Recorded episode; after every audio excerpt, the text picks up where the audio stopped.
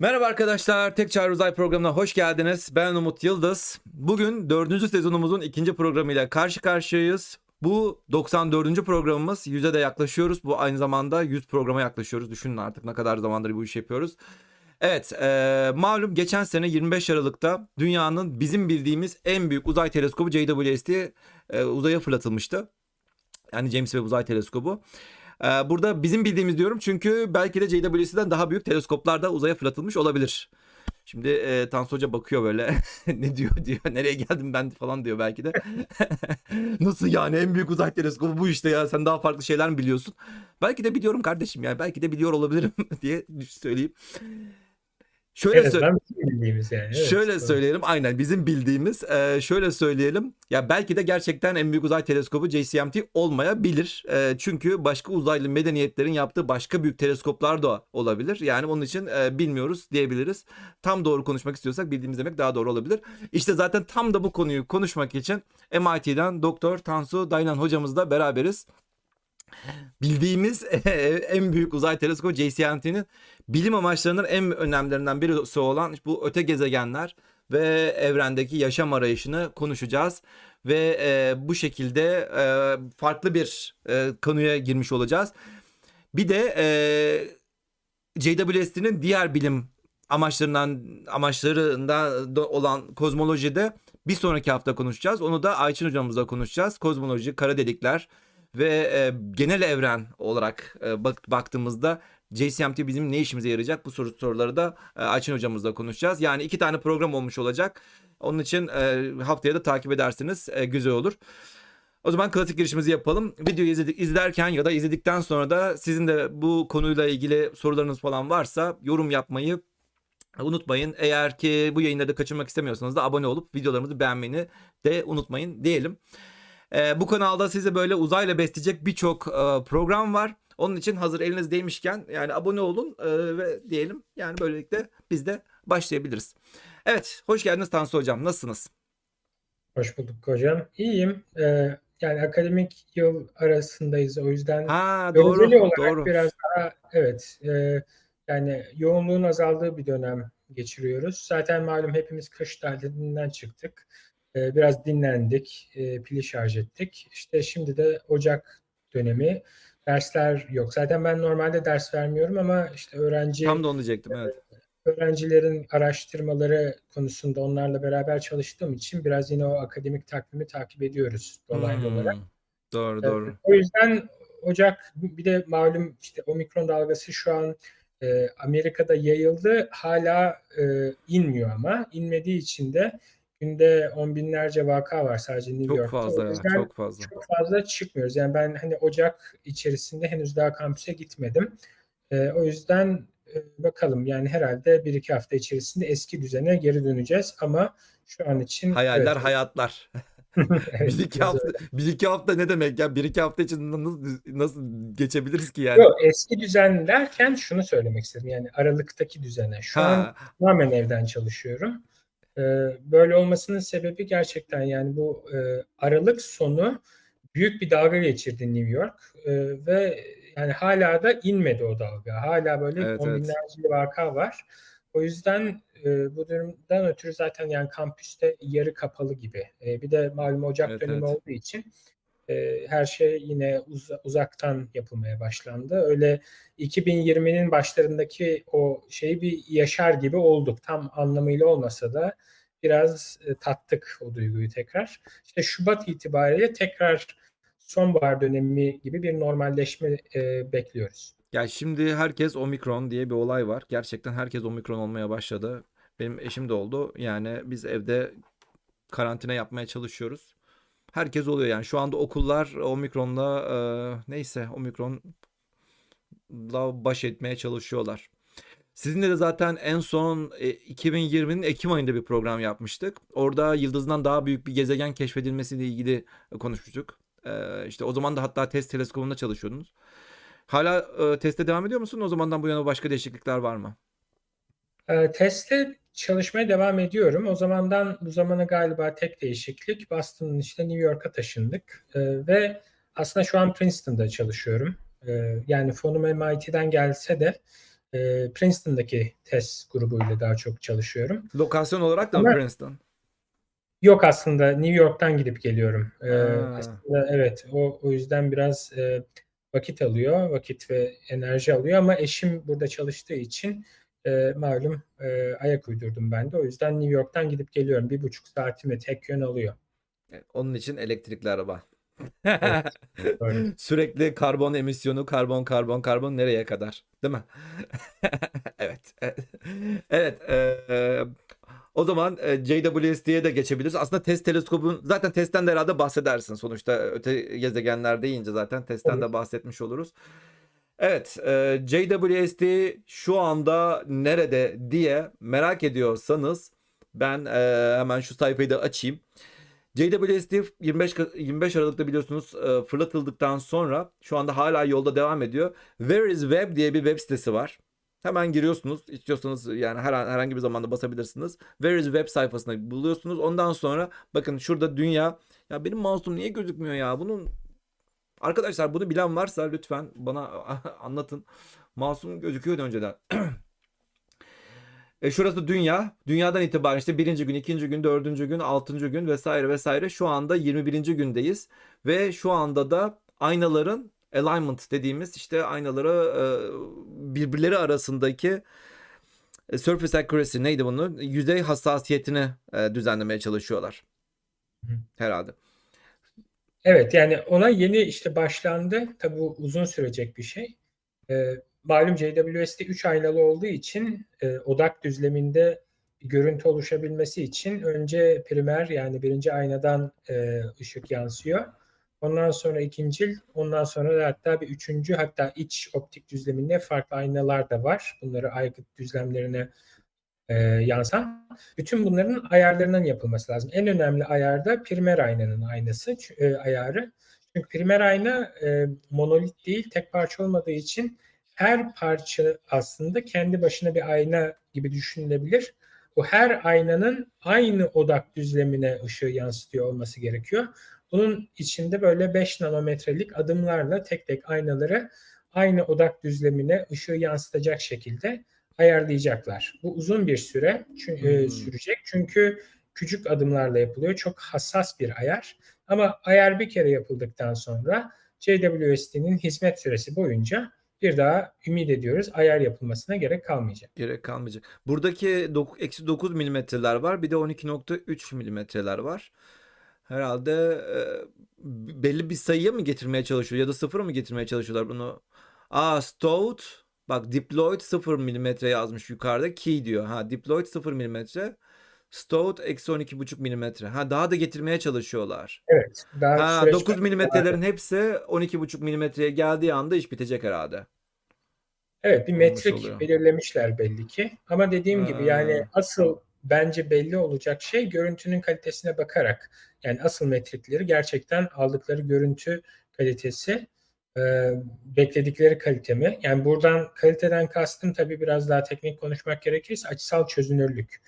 E, çünkü odağı tam e, ayarlayamazsanız normalde beklediğiniz PSF dediğimiz bir noktanın odak düzleminde nasıl gözüktüğü kavramı bu beklentinizle uyuşmaz. O yüzden gerçekten uzay tabanlı bir e, bu kadar büyük bir teleskoptan beklediğimiz e, işte nokta dağılım fonksiyonu dediğimiz PSF'i elde edebilecekler mi? Onu test edecekler.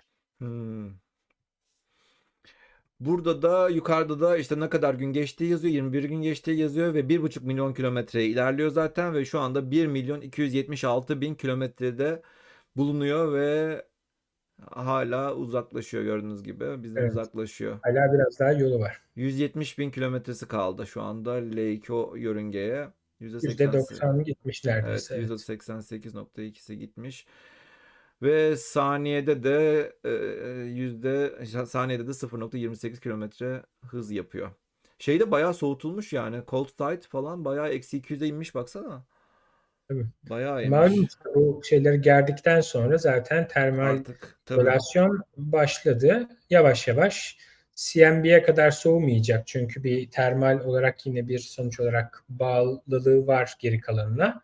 Ama müthiş dik bir termal gradyan yani ısı farkı oluşuyor e, teleskopun ana e, yapısında.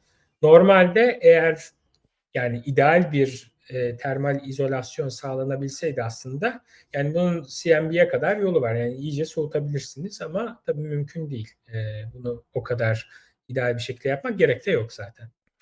Burada e, biz aslında bu programda JWST'den çok fazla konuşmak istemiyoruz. Çünkü zaten JWST bugüne kadar bayağı dinlemiş olduğunuzu ümit ediyoruz. Yani sağdan soldan yani başka YouTube programları da vardı. Artı haberler olsun. Okumuşsunuzdur da yani. E yani bu kadar zaman geçti. Ya okuyacakmış olduğunuzu ümit ediyoruz. Onun için çok fazla JWST'den bahsetmeyeceğiz. JWST'nin bilim amaçlarından bahsedeceğiz. Yani biz ürüne odaklanıyoruz şu anda. Ne yapacak? Yani tamam kocaman teleskobu gönderdiniz tebrik ederiz ama ne iş yapacak onu merak ediyoruz. Onu anlamaya çalışıyoruz. Ve e, şurada da bir soru var aslında. Şu soruyu bir cevaplandırabiliriz. Görüntüler bekledikleri kalitede olmazsa ne yapılabilir belki? Peki.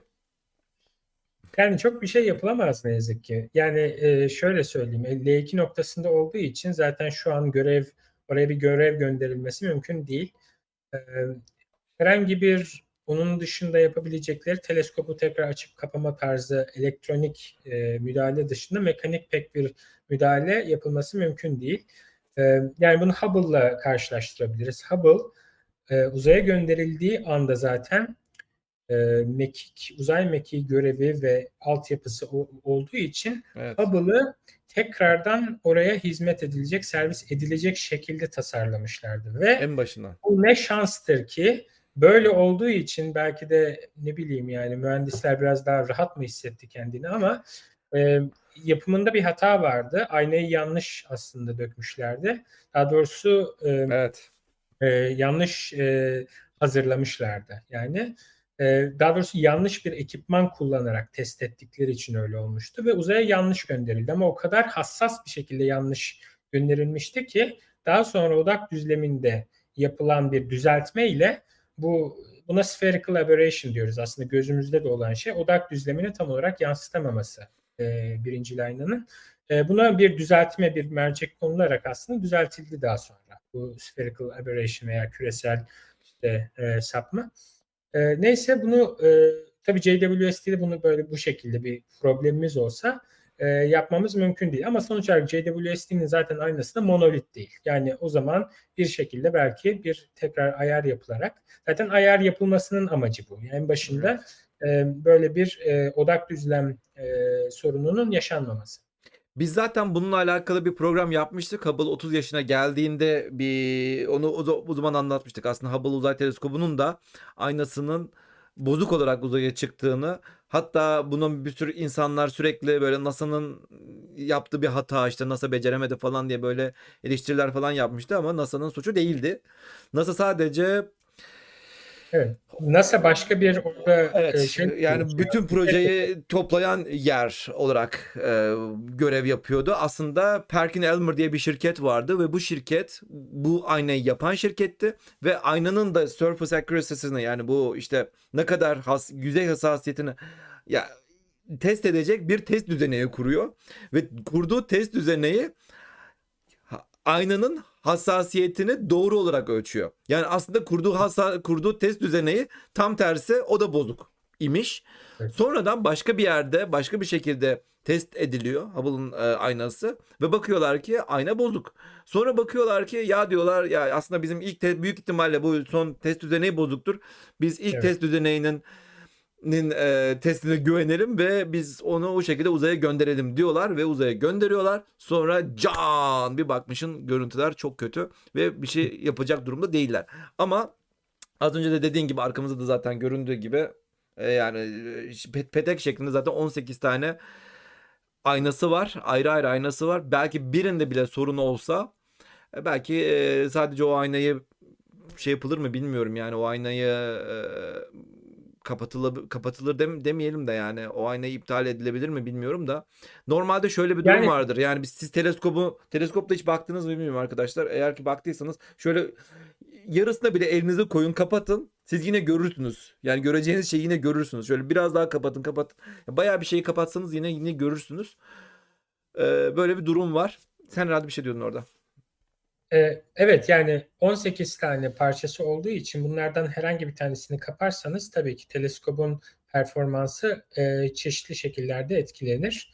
Öncelikle toplam e, topladığı, toplayacağı daha doğrusu foton sayısı azaldığı için fotometrik yani ışık ölçüm hassasiyeti azalır. Yani daha az alandan foton topladığınız için sönük cisimlere duyarlılığınız azalır ama ondan daha önemli bir etkisi olur. O da şu, Normalde siz her bir 18 e, parçadan her birinin az önce bahsettiğim bu PSF kavramını hayal edin tekrar. Yani bir noktanın, bir noktasal ışık kaynağının odak düzlemindeki şekli aslında her biri asimetrik. Bunları ancak siz topladığınızda simetrik bir e, e, iz düşümü elde ediyorsunuz. Eğer bu 18 aynadan bir alt kümesini çıkarırsanız sizin PSF'iniz de böyle modellemesi ve çalışması zor bir hale geliyor. O yüzden teleskopun genel olarak performansı büyük şekilde etkilenir. Evet. Ama en önemlisi toplayacağı ışık miktarı azalacağı için malum bizim e, bizi en çok heyecanlandıran görevlerinden bir tanesi ilk evrendeki ilk oluşan galaksileri incelemesi. Bu konudaki hassasiyeti de azalacaktır. Ümit ya, ederiz bir şey olmaz. Etkilenir ama ben benim bildiğim kadarıyla yani çalışmaya devam eder. Sonuçta bir tane Evet. aynada bir Evet. sorun olsa çalışmaya yine devam eder. Öyle e, Hubble'daki gibi tek ayna olmadığı için yani bütün ayna bozuk olunca evet yapacak bir şey yok. Ama buradakini ona göre onu bozuk şekline göre ayarlarsın yine çalışmasına devam edebilir. Yani onda e, o şekilde bir şey olabilir. Ya e, şu soruyu soru sormuş arkadaş ama yani evet eee Teleskop meteor çarparsa ne olur? Cevabı siz söyleyin. Ne olur? ne olur? Teleskop te- Çok kötü şeyler olur. Teleskop meteor. Yani böyle bir plan, böyle bir ne yazık ki e, plan yok ve tabii ki teleskopun çapı büyüdükçe bunun olasılığı da artıyor. Yani 6,5 metrelik bir teleskoba e, yani meteor çarpma olasılığı 2,5 metrelik bir teleskoba meteor çarpma olasılığından daha fazla. Ama şunu da unutmamak lazım. Yani L2 noktası Şimdi şöyle söyleyelim. Dünya çok fazla e, büyük kütleli bir cisim olmadığı için dünyanın Lagrange noktaları çok fazla e, göktaşı barındırmıyor. Özellikle zaten L1 ve L2 e, kararlı yerler olmadığı için genelde çok temiz bölgeler bunlar. Yani siz milyon yıl zaman ölçeklerinde siz buraya sürekli asteroid komet atsanız bile ve bunlar bir şekilde orada yörüngeye girse bile hale yörüngesine yani birkaç yüzyıl içerisinde oradan çıkar. Çünkü bunlar kararlı yörüngeler değil. O yüzden oralar genel olarak temiz bölgeler. Yani rastgele bir tane e, dış güne, güneş sisteminden bir kuyruklu yıldızın veya asteroidin gelip çarpması lazım. Onun da olasılığı çok düşük. Çok düşük. Yani her zaman söylediğimiz cümleyi yeniden söylüyoruz. Uzay çok büyük kardeşim yani. Uzay büyük yani. Yani şans o şansı yakalarsa yani o da ayrı bir şans dersin yani. Artık JWST'de böyle bir şans var dersin. Bu arada bir arkadaş sürekli karanlık madde ve karanlık enerjiyi görebilecek miyiz diye soru soruyor. Bunu haftaya konuşacağız arkadaşlar. Haftayanın konusu zaten bu. Onun için haftaya da sizi bekleriz. Evet. E, evet. Yavaş yavaş e, özellikle öte gezegenlere geç, geçelim. Öte gezegenlere ya bugüne kadar zaten keşfi, keşfediyorduk. İşte Kepler Uzay Teleskobu'yla ilk başta başladık. Hatta ondan önce de işte yersel teleskoplarla başladık. Sonra Kepler Uzay Teleskobu bir anda pik yaptı. Sonra da Kepler ölünce artık TESS'le devam ediyoruz. Öte gezegen keşfetmeye. Ama bu öte gezegenleri sadece bu teleskoplar keşfediyor. Bunun üzerinde keşfettiğimiz bu teleskop bu öte gezegenlerde detaylı bilgileri de ancak ve ancak işte büyük bir teleskopla bakarak e, içerisinde ne var diye e, arayarak ancak görebiliyoruz. Onun için böyle büyük teleskoplar gerekiyor. Bugüne kadar da özellikle Hubble Uzay Teleskobu olmak üzere dünyadaki yersel de birçok büyük teleskop bu işi yapmışlardı. Yani var olan yani bulunduğu teyit edilen e, öte gezegenlerin içerisinde işte atmosferlerinde neler var bunları anlamaya çalışmışlardı. Evet JWST ile tam olarak nelerini görebiliyoruz özellikle öte gezegenlerin. Tamam oradan başlayalım. Şimdi dediğin gibi e, Kepler'in öncesi de var tabii. Önce yer tabanlı e, geçiş e, tarıma teleskopları başlıyor. Daha sonra CORO geliyor işte Kanadalı. E, daha sonra Kepler ve TESS. E, üçüncü jenerasyon uzay teleskobu olarak e, şu an uzayda ve veri topluyor.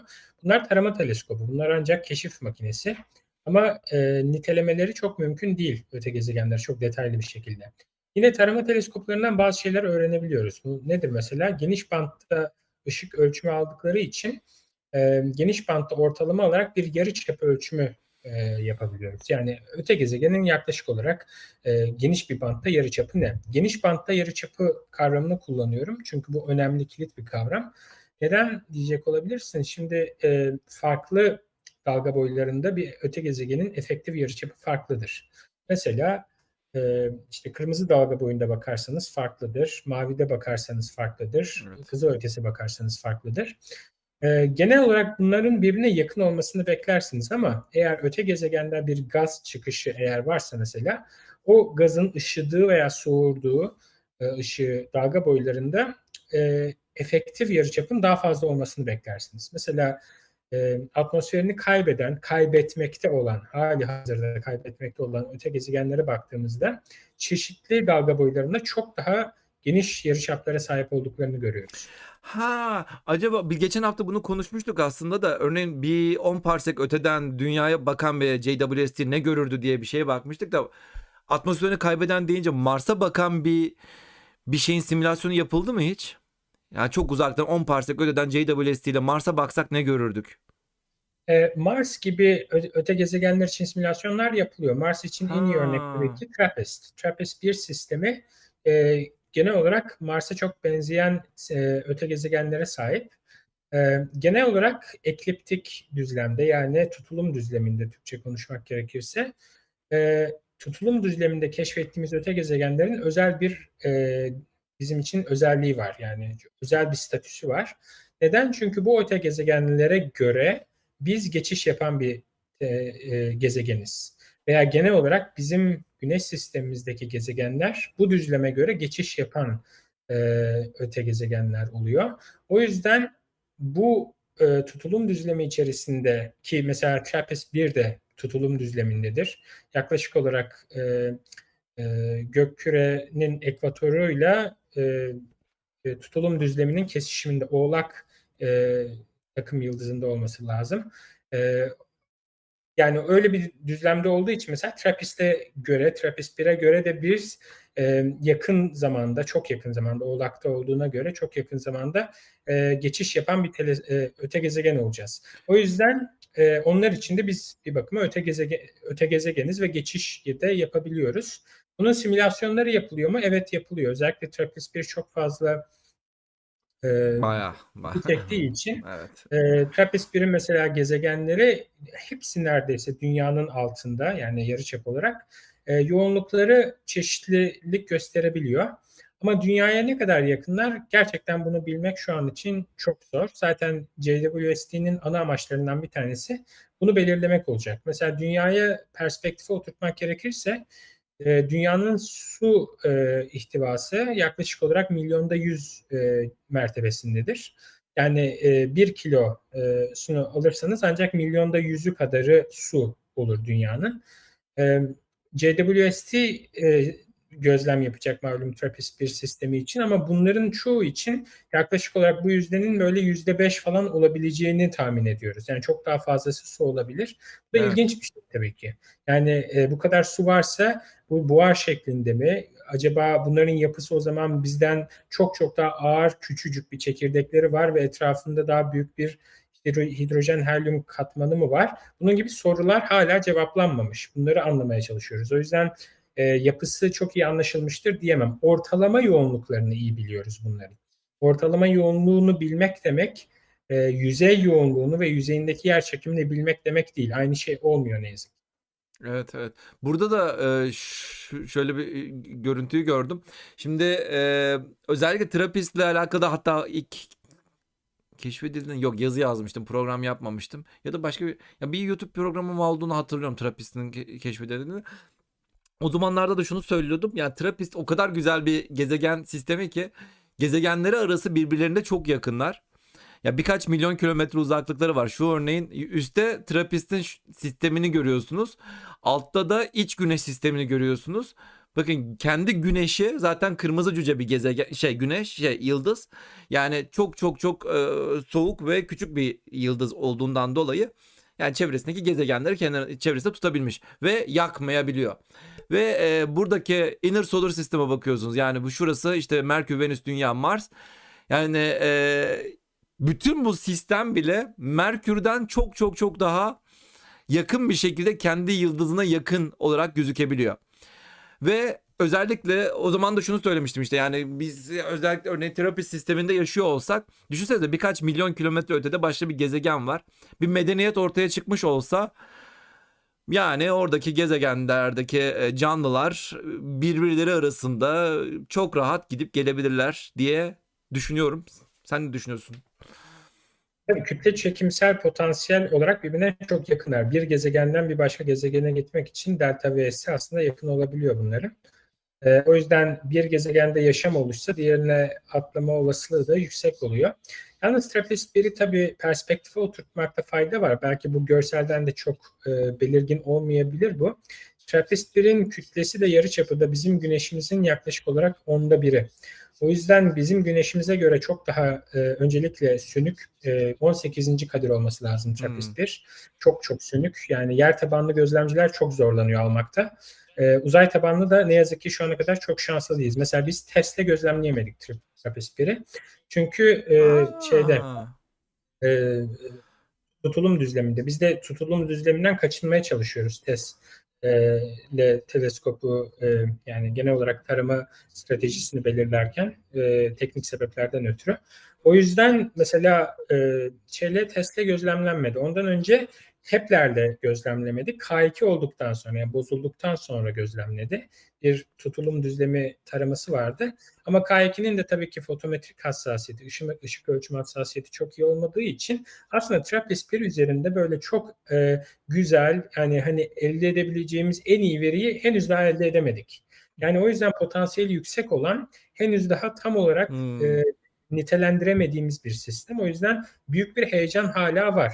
Belki de gerçekten niteledikten sonra kütlelerini böyle yüzde Heh. birlik kat paylarıyla ölçtükten sonra belki eskisi kadar heyecan vermeyecek ama TRAPPIST 1'e özel kılan birçok özelliği var tabii ki. İşte ultra cool dediğimiz çok e, sö- e, soğuk bir yıldız 2500 Kelvin. Yani 2500 Kelvin o kadar soğuk ki bazı bizim sıcak Jüpiterler var işte e, kahverengi cüceler var. Bunlardan daha sıcak neredeyse. O yüzden TRAPPIST 1 yıldız olarak çok ilginç bir yıldız. Onun dışında bu kadar e, düşük kütleli yıldızlar çok uzun süre yaşayabiliyor. Yaşı yaklaşık olarak e, yani Güneş'in yaşının büyük ihtimalle iki katı falan. Çok eski bir sistem. Bir de e, yine bu sistemi özel kılan bir şey daha var. Bu sistemde e, Laplace rezonansı dediğimiz bir şey var. Yani gezegenlerin e, Güneş etrafında, yıldız etrafında dönerken ki e, frekansları birbirlerinin aslında katı. Daha doğrusu doğrudan katı olmasa da birbirlerine oranları e, e, integer e, fraction olarak yazılabiliyor. Yani e, tam sayıların birbirine bölümü olarak yazılabiliyor. E, bu da e, bir rezonans olduğunu gösteriyor. Yani Ha, herhangi bir evet. öte gezegen mesela n kere dönerken başka bir öte gezegende m kere dönüyor. O yüzden e, bu da kütle çekimsel olarak bir zincir oluşturuyor tabiri caizse sistemde. Yaşını biliyor muyduk bunun? Yakın da herhalde ya. Şöyle Büyük birkaç olması lazım e, güneşin. Yani yaklaşık olarak iki katı olması lazım. yaş olarak mı? Güneşin Evet, iki- yaş olarak. 8 milyar falan. Yani o ya belki 6-8 civarı bir şey olsa gerek. Çok fazla geldi ya. Doğru. Olur. Olur böyle şeyler. İyi. Yani şöyle söyleyeyim. Şimdi bu zincir oluşması büyük ihtimalle çok eski bir şey. Çünkü simülasyonları yapılıyor bunun. Ne e, kütle simülasyonları ve simülasyon sonuçları e, sistemin oldukça stabil olduğunu gösteriyor. Yani bu da istatistiksel olarak sistem oluştuktan hemen sonra bu zincirin kurulduğu ve yani milyarlarca yıldır da çok değişmediğini gösteriyor. Yani Trappist aslında ilk hedeflerden bir tanesi. Sanırım 65 tane mi ne öte gezegen var değil mi? Öyle bir şey, öyle bir O sayı civarda bir duymuştum şey var. yani. Trappist tabii ki hani bunların en fazla belki konuşulanı ama onun dışında e, sistemler de var. Trappist 1 bu arada tutulum düzleminde olduğu için JWST için de zor bir hedef aslında. Tutulum diyorsun şunu gösteriyorum. Hiçbir zaman gelip de söylemedin. Ya bak kardeşim tutulum bu diye göstermek istiyorum arkadaşlara. Evet tutulum tam bak yıldızını görüyorsunuz gezegenlerini görüyorsunuz. Masum gözükmüyor ama yıldızını görüyorsunuz gezegenlerini gözüküyor, görüyorsunuz. Hepsi bir düzlemde olmasa tutulum denir. Yani e, tutulum şimdi sü- sürekli tutulum kelimesi söylüyorsun da tutulum ne ne ne diyen arkadaşlar varsa işte bu demek. Yani Yani tutulum düzlemi tarihsel olarak aslında uygarlığımız ilk astronomiyle tanıştığı zamanlarda dünya, güneş ve ayın oluşturduğu düzlem olarak düşünülüyor. Çünkü neden? Ay ve güneş orada tutulduğu için. Ama aslında normalde günümüz tanımıyla e, bunu kullanmıyoruz. Çünkü ayın e, düzlemi çok da özel bir düzlem değil. Daha önemli olan güneş sistemimizin toplam açısal momentumunun düzlemi. Ona işte fundamental plane deniyor. E, ona göre başka bir e, tutulum düzlemi tanımla, tanımlanabilir. Yani bu ekliptik dediğimiz de aslında farklı bir şey. Ekliptik de çünkü dünya ve güneşin düzlemi. Aslında e, ekliptiği tam olarak Türkçe çevirdiğimizde, çevirdiğimizde tam olarak karşılığı e, bu. Yani işte evet. bir tane düzlemden bahsediyoruz. Ama farklı kontekstlerde böyle bir iki derecelik oynama farklı tanımlar yapılabilir. Ee, biz zaten dünyaya göre baz aldığımız için işte o ekliptiki yani dünya ile güneş arasındaki o açı sıfır olmak üzere diğer gezegenler kaçar derece diye bakıyoruz zaten. Yani ekliptikteki bakış açısı bu. Bu şekilde. Evet. Ba, e, baz aldığımız şeye göre değişiyor. Exoplanet keşfederken uygulanan metodu anlatır mısınız? Tansu Hocam denmiş. Ee, kısaca girelim mi? Bunu daha önceki programımızda zaten konuşmuştuk. Exoplanetler nasıl keşfediliyor diye konuşmuştuk. Ee, yani çok kısaca belki hatırlatmakta fayda verir. Konuşmuşuzdur büyük ihtimalle. Bir önce çünkü WD1856'yı konuşmuştuk. Ee, muhakkak orada lafı geçmiştir ama kısaca hatırlatma olsun. Ee, bu e, yıldızları ışık kaynağı olarak düşünün ve ışık kaynaklarının önünden e, ışığı soğuran bir e, cisim geçtiğinde toplam ışık miktarı yüzde bir, binde bir civarı azalabiliyor. Bunun periyodik olarak olduğu keşfedildiğinde de e, face folding dediğimiz yani işte belirli bir zaman serisi topluyorsunuz. Daha sonra bunu kendi üzerine katladığınızda bir periyodiklik yani döngüsellik keşfettiğinizde diyorsunuz ki evet bu bir işte döngüsel bir öte gezegen sürekli güneşin etrafında dönüyor ve periyodik olarak ışığın azalmasına sebebiyet veriyor şeklinde bir çıkarımda bulunuyoruz. Bazı öte gezegenler var tabii ki tek geçiş yapıyorlar. Bunlara single transit diyoruz geç, tek geçiş yaptıkları için ne yazık ki böyle bir e, faz e, katlaması yapamıyoruz. Tek geçişten de bazen e, öte gezegen al, yani keşfetmek zorunda kalabiliyoruz. Daha doğrusu bunlara keşif diyemiyoruz. Bunlara aday diyoruz. E, aday dememizin sebebi de önden önünden geçiş yapan cisim bazen öte gezegen olabilir. Bazen de bir karanlık e, kahverengi cüce olabilir. Bazen çok çok sönük bir yıldız olabilir. Ve bunu far, fark etmek de mümkün olmayabilir. O yüzden genelde tek geçişlere aday diyoruz. Konu dışı olmasın ama JWS'in hızı neden sürekli azalıyor diye bir soru var. Arkadaşlar neden azalıyor olabilir? neden azalıyor olabilir? evet konu dışı ama JWS'in hızı doğal olarak azalmak zorunda. Çünkü varacağı noktaya vardığında herhalde orayı pas geçmezsin değil mi? Mantık olarak artık yavaşlamak zorundasın. Evet. Ee, evet. Evet diğer şeye geçelim. Diğer e, öte gezegenlere geçelim. Aday Hı. öte gezegenlerine geçelim. Evet. E, aslında doğru. Şey e, en son şey diyordum aslında bu efektif yarıçapı değişebilir. Oradan geri alalım. Çünkü e, diğer öte gezegenlere oradan bağlayabiliriz.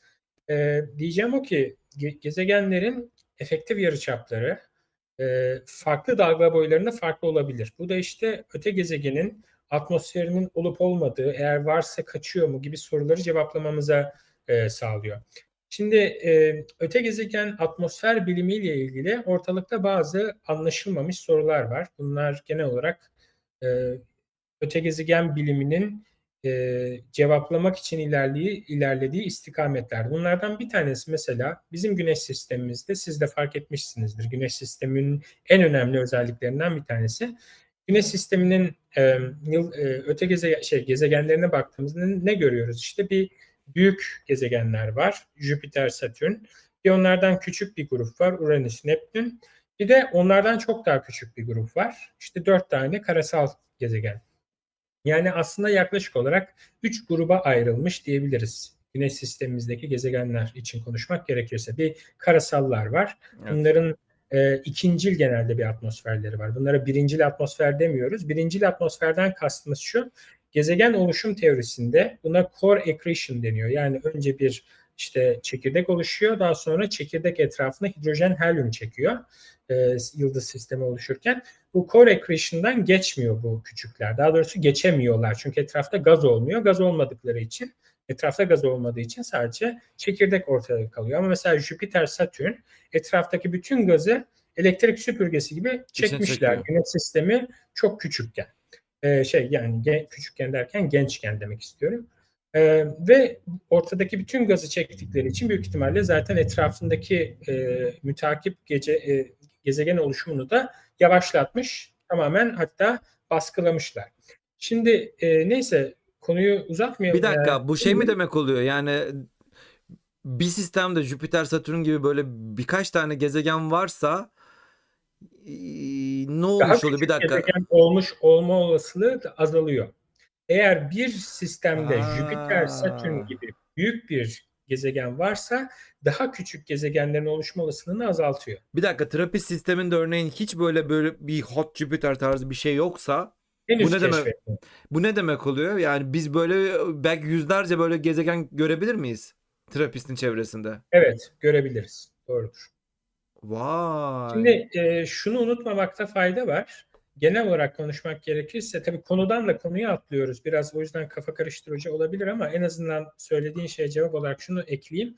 Küçük kütleli, az kütleli yıldızlar etrafında büyük kütleli gezegen oluşumunun az olduğunu biliyoruz. Yani daha nadir olduğunu biliyoruz. Yani küçük kütleli yıldızlara baktığımızda, M tipi, K tipi yıldızlara baktığımızda bizim gezegenimiz gibi veya bizim gezegenimizden biraz daha büyük çok fazla öte gezegen görüyoruz. Ama mesela Jüpiter, Satürn hatta Jüpiter'den daha büyük e, ağır gezegenler çok görmüyoruz. Daha nadir oluyorlar. O yüzden şunu anlıyoruz ki küçük kütleli öte gezegenler e, Jüpiter gibi e, veya Jüpiter'den de büyük kütleli gezegenler oluşturamadıkları için genel olarak daha küçük çok daha fazla gezegen oluşturuyorlar. Bizim güneş e, işimiz gibi G tipi hatta G'den de sonra işte F tipi gibi yıldızlar genelde bir veya iki tane Jüpiter benzeri gezegen oluşturabildikleri için daha küçük gezegen oluşturmaya çok fazla materyal kalmıyor. Ha. Ya aslında Jüpiter ve Satürn bütün sistemi yemiş yani bir nevi yani olabilecek potans potans de yemiş diyelim.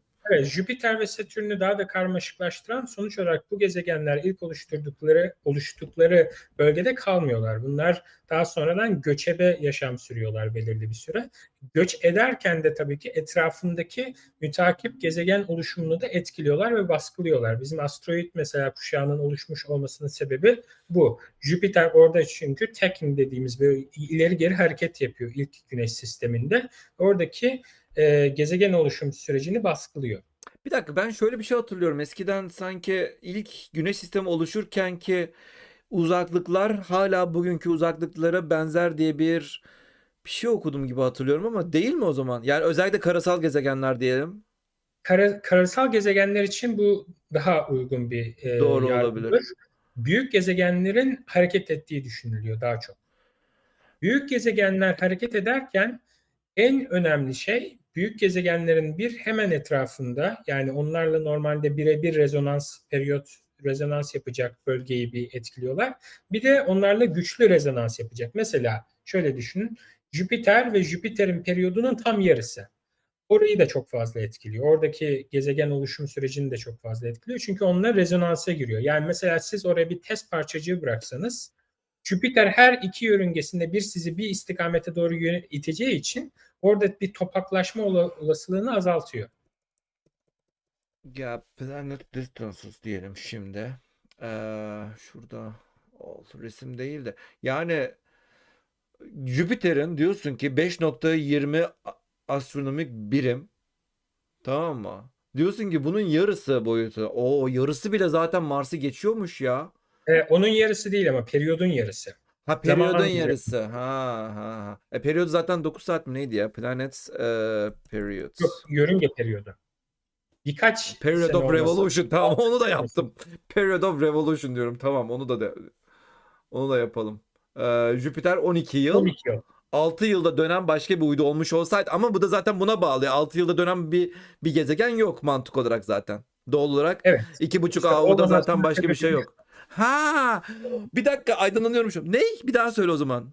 Şimdi şöyle şu, bugün olsaydı bugün yaşayabilirdi. Sıkıntı Jüpiter oradan gidip gelirken oraları dağıtıyor bir bakıma. Yani bilardo topu böyle gidiyor çarpıyor gibi düşün. Orada sürekli bir e, Laplace rezonansı kurduğu için orada ge- e, gezegenlerin topaklaşmasını e, zorlaştırıyor. Ama şunu unutmamak lazım. Güneş sisteminin e, ilk zamanlarından bahsediyoruz. Evet. Yani çünkü zaten yıldız şey oluşum teorisine göre gezegenler ilk 100 milyon yılda falan oluşuyor. O yüzden tabii ki ilk başta yani güneş sistemi oluşurken Jüpiter'in tam olarak nerede olduğunu kimse bilmiyor. Herkesin bir modeli var. NIS modeli falan var işte. Herkesin bir modeli veya ana modelden bir hani versiyonu, modelin versiyonu var. Herkes simülasyon yapıyor. Herkes farklı bir cevap buluyor. Olasılıklar var diyebiliriz. Ama böyle kimse tabii ki ilk başta neredeydi bilmiyor. Sadece fikirler var diyebiliriz. Zaten ana amacımız yani öte gezegenleri e, keşfederek ve niteleyerek ana motivasyonumuz burada istatistik toplamak. Çünkü şu an elimizde tek bir tane örnek var. E, bir tane G tipi bir yıldız etrafında e, 8 tane gezegen biliyoruz. Yani o yüzden yeniden e, tekrar edebileceğimiz bir deney yok. E, kozmos genel olarak yani astrofizik bize bu deney ortamını sağlıyor. Aslında kozmos bir laboratuvar gibi işliyor. Farklı e, giriş girdilerle farklı sistemler nasıl evrilmiş olabilir? Bunun istatistiğini topla, e, toplamaya çalışıyoruz. E, burada çözülmeye çalışılan problem işte migration dediğimiz göçme problemi. Bir de atmosfer karakteristikleri işte malum e, sıcaklık basıncı nasıl değişiyor? Ne gibi atmosferinde e, moleküller, e, türler var? İşte su var mı, metan var mı? Karbondioksit, karbon monoksit var mı? Bunların oranları neler? Bir de işte bunların ikincil soruları var. Mesela karbon oksijen oranı çok önemli bir şey. Evet, evet. Karbon oksijen oranı çünkü e, bir gezegen çökerken accretion'a göre e, tam olarak hangi uzaklıkta çöktüğüne bağlı olarak o zamanki frost line'ın yani buz çizgisinin içinde mi dışında mı çökmüş onu bize gösteriyor. C, hmm. CO oranı, karbon oksijen oranı. O yüzden onu mesela bazı sistemlerde ölçmeye çalışıyoruz. TY 270'da öyle bir programımız var mesela HST'de. Ve bunun gibi sorularla genel olarak amacımız e, yani işte dediğim gibi en başta toparlamak gerekirse göç, göç göçüş e, tamamen sürecini anlamaya çalışıyoruz. E, bir de tabii ki buna bağlı olarak bir problem daha var. Bu sıcak Jüpiterlerin varlığı. Normalde açıklayamadığımız bir şey. Bir kere şunu neredeyse biliyoruz ki sıcak Jüpiterler oraya göçmüş olmalı. Yani orada oluşmuş olamazlar. Sıcak Jüpiterleri oraya gönderen yani güneşlerine bu kadar yakın bir yörüngeye gönderen ne süreç olmuş, ne süreç işlemiş olabilir? Bunu anlamaya çalışıyoruz.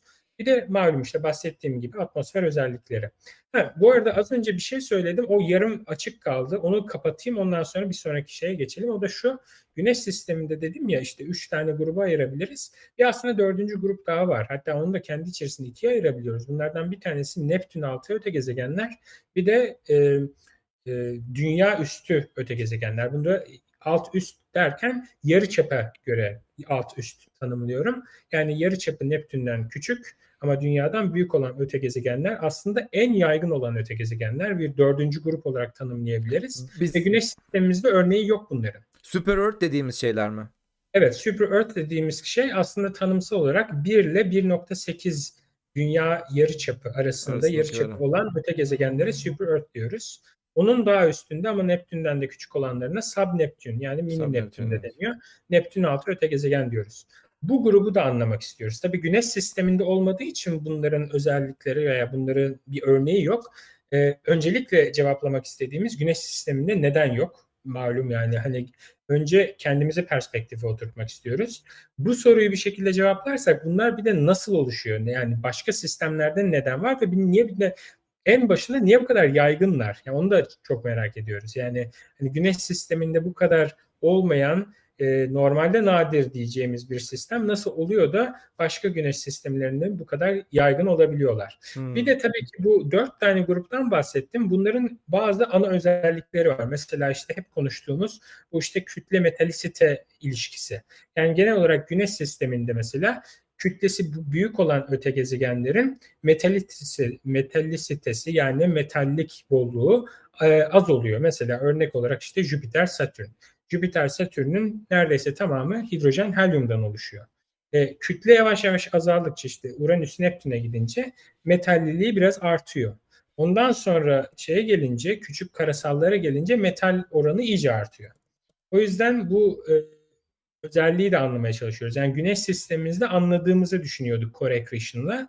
Ama başka sistemlere gidince durum iyice karmaşıklaştı. JWST ile anlamak istediğimiz işte burada daha fazla örnek toplayarak bu kütle e, metallik oranı ilişkisi farklı e, yıldız tipinde, farklı sıcaklıklarda nasıl değişiyor onu anlamak istiyoruz. Bir dakika şimdi metal deyince e, arkadaşlar demir falan diye düşünebilir. Metal demek demir falan demek değil. Metal demek Hidrojen dışı. hidrojen ve helyum dışı olan bütün şeylere biz e, metal diyoruz. Yani met- metal metal oluşumu falan deyince öyle bakın. Hidrojen ve helyum dışındaki her şey astronomların periyodik cetvelinde metaldir. Bu arada e, o zaman süper örtler karasal olmak zorunda mı yoksa e, ya da subnöptünlerin hepsi gazdan mı olmak zorunda diye bir şey sorabilir miyiz? Söyleyebilir miyiz? Yani burada aslında şimdi öte gezegen astronomisi e, topluluğu içerisinde bir fikir birliği yok. Çünkü e, mesela genelde küçük, yani büyük dünya veya işte super earth dediğimizde bazı insanlar yarı çapına göre bu tanımı yapıyor. Bazıları ise e, yapısına göre yapıyor. Yani yoğunluğuna göre yapıyor. Ama sıkıntı şu ki e, yani yarı çapını iyi ölçebilsek de bunların çoğunun kütlesini çok iyi ölçemiyoruz henüz. TES'le bu durum değişmeye başladı bu arada. TES ile TES sayesinde kütlesini de ölçebildiğimiz küçük öte gezegen sayısı arttıkça bu duruma daha güncel cevap verebiliyor olmak üzereyiz aslında.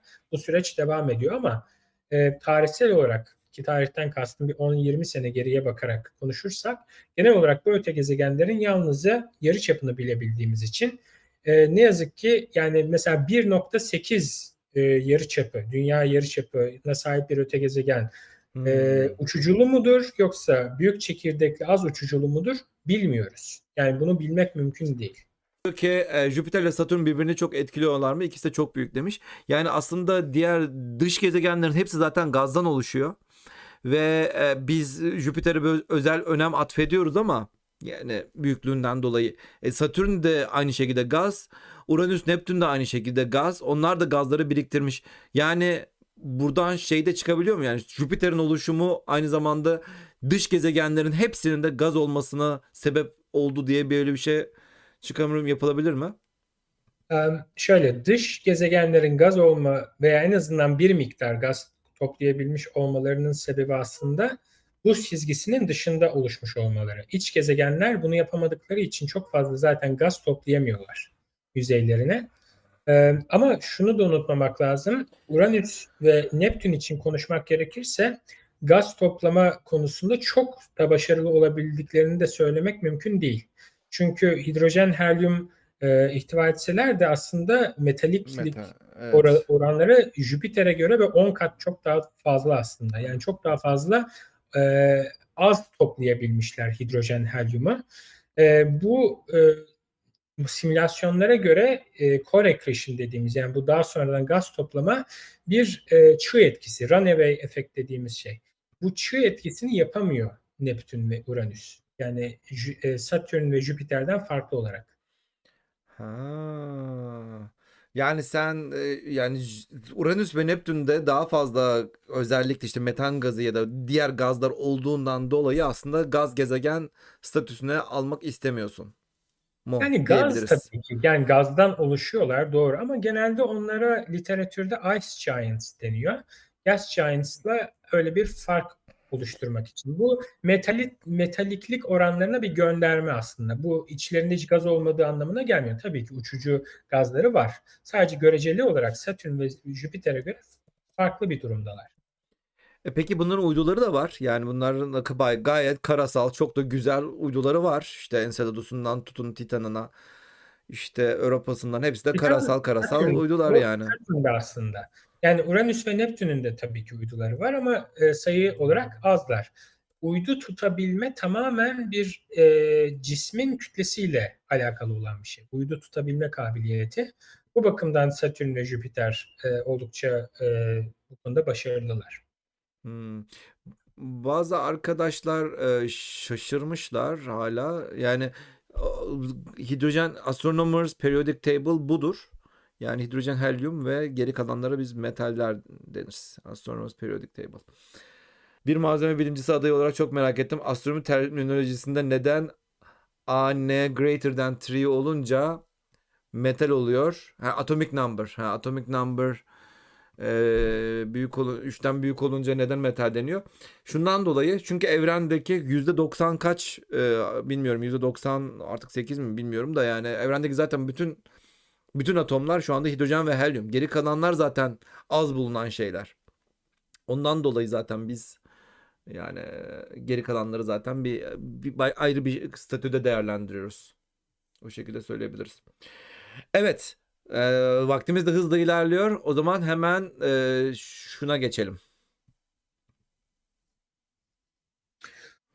Evet. Bu aslında az önce bahsettiğim e, bir fikrin aslında bir e, görseli. E, mesela az önce bahsetmiştim ya işte bu e, farklı dalga boylarında efektif yarıçapı farklı olabilir e, gezegenlerin. Burada onu anlatıyor ama y ekseni yani dikey eksen tam olarak yani yarıçapı değil daha çok yarıçapının scale height dediğimiz bir kavram var. Onu çok kısaca açıklayayım. Ona oranı. Scale height'tan kastımız mesela her bir gezegenin yüzeyindeki yerel yer çekimine göre atmosferinin durduğu belirli bir irtifa vardır. İşte dünya için bu yaklaşık olarak 10 kilometredir. Yani siz 100 kilometreye çıktığınızda atmosfer bulamazsınız. Mertebe olarak 10 kilometrede yaklaşık olarak atmosferimiz biter. Ee, yani en azından çok nadir moleküller nadir hale gelir. Ee, o yüzden buna oranı olarak mesela farklı e, dalga boylarında çizgilere bakabiliyorsunuz. Burada aslında bu yani bu bu görsel bir özet bir bakıma. mesela sol tarafta e, düşük dalga boylarını şey yük, e, pardon e, evet yani düşük dalga boylarının yüksek frekansı görüyorsunuz. Nokta 3 e, mikrondan başlamış yani yaklaşık olarak işte ultraviyole. Sonra sağa doğru bir azalma görüyorsunuz. O azalmanın sebebi Rayleigh saçılımı aslında. Yani bizim mesela atmosferimizin mavi gözükmesinin sebebi Rayleigh saçılımıdır. Genel olarak evet. e, dalga boyuna yani yavaş yavaş bağlı olan böyle birden çizgi oluşturmayan bir şeydir. Lambda'nın hatta dördü, e, dördüncü kuvvetiyle yani dalga boyunun dördüncü kuvvetiyle gider. Bir de arada ara durumlar da vardır mesela. İşte Mies scattering, Mies açılımı dediğimiz daha büyük göreceli olarak molekül değil de mesela böyle e, toz parçacığı dediğimiz parçacıklar da, tarafından hmm. seçi, saçılma olduğunda o daha böyle ileriye doğru bir saçılma olur. Mars'taki Ve, görüntüler, Mars'ın kırmızı gözükmesi. Mars'ta çok fazla toz olduğu için Böyle bir saçılma olur. O onun mesela şeyini değiştirir, eğimini değiştirir ama genel olarak bir kontinyumdan bahsedebiliriz.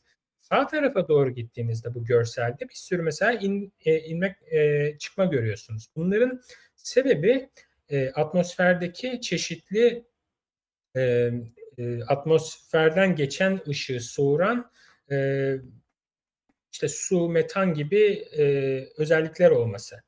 Ee, özellikle burada dikkatinizi çekmek istediğim su. Suyun birkaç tane bandı var, soğurma bandı var. Bunlardan bir tanesi gösterilmiş aslında ama bir mikrondan sağa doğru gitmeye başladığınızda dört tane ana bandı var. JWST bu dördünün neredeyse tamamını görecek. JWST'yi özel kılan şey HST'ye, Hubble Uzay Teleskobu'na göre bunların tamamını baseline diyoruz buna. Yani tayfsal e, e, hassas olduğunuz e, dalga boyu aralığı yani bu çok çok daha geniş HST'ye göre. HST sadece yakın kızıl ötesini görebiliyordu. G141 özellikle yani işte 141 e, daha doğrusu işte 1.4 mikron civarındaki bir e, Grizm ile yapılmıştı bu ölçümlerin tamamı, neredeyse tamamı. JWST'de bu çok çok daha uzun dalga boylarına da gidecek. Bu sayede mesela gördüğümüz bir e, veride gördüğümüz bir özellik mesela sudan mı geliyor yoksa başka bir sistematik hata payından mı geliyor? Bunu çok net bir şekilde anlayabileceğiz. Çünkü eğer su görmek bekliyorsanız dört farklı dalga boyunda da görmeniz veya bantta görmeniz lazım.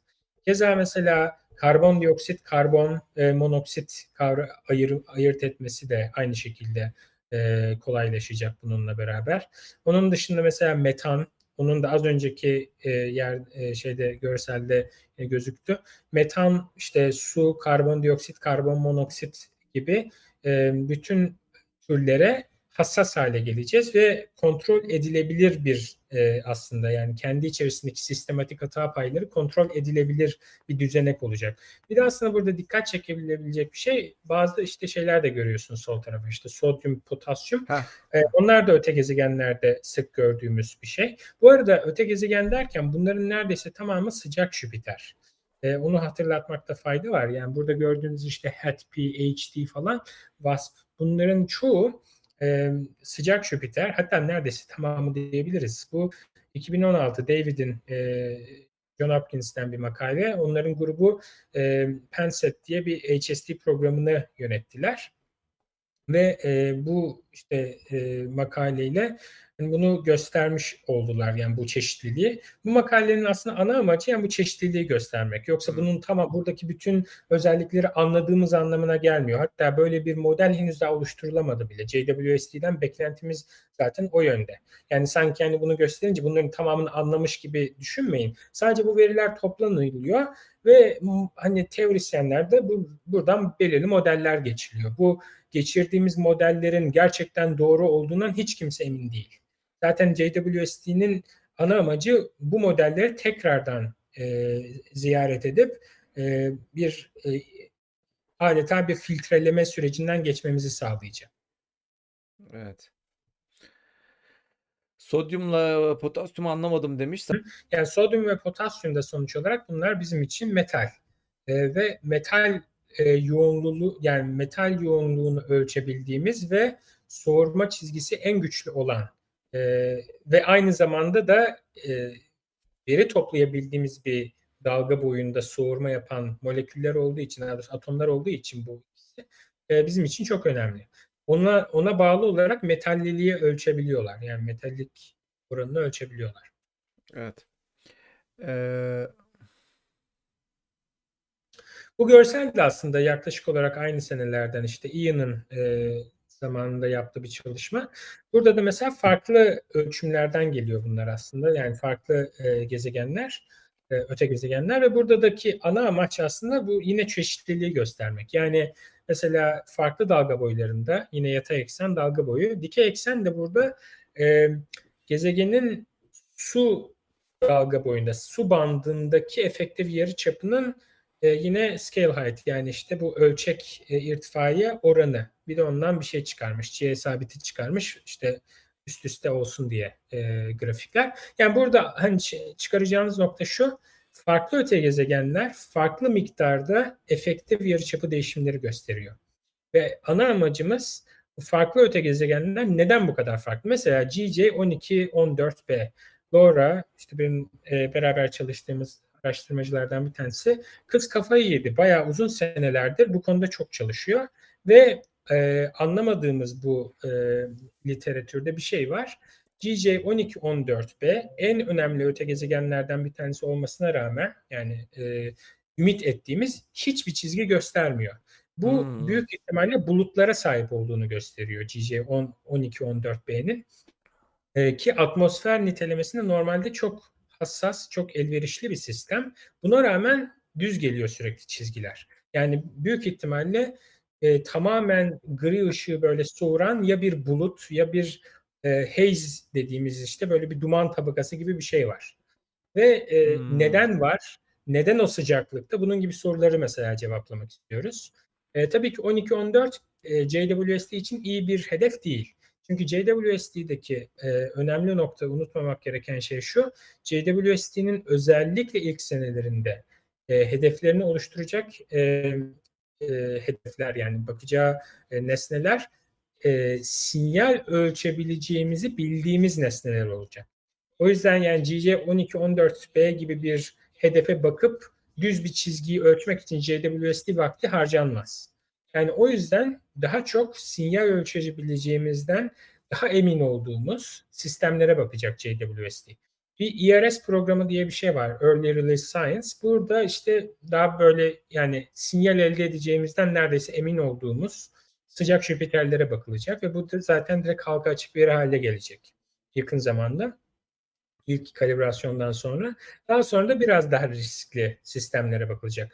Bu sistemler içerisinde bizim de programımız var. 1856 WD 1856 sistemi ki hatta e, seninle bir önceki toplantımızda zaten yani şey e, muhabbetimizde bir sene önce onun keşfinden zaten bahsetmiştik. Evet, evet. JWST'nin ilk dönem e, hedeflerinden bir tanesi de o olacak.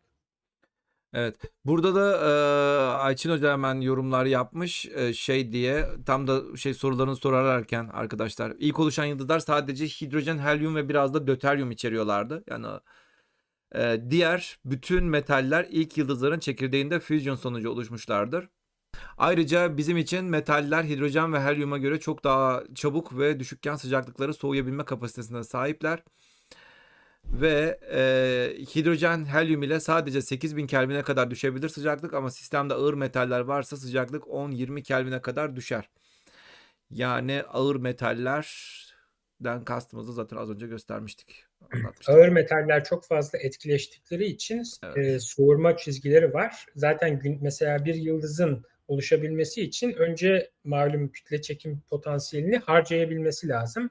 Yani soğuyabilmesi için de böyle molekül bulutları gerekir ya işte o çiz, çizgilere ihtiyacımız var yani sistemin soğuyabilmesi için.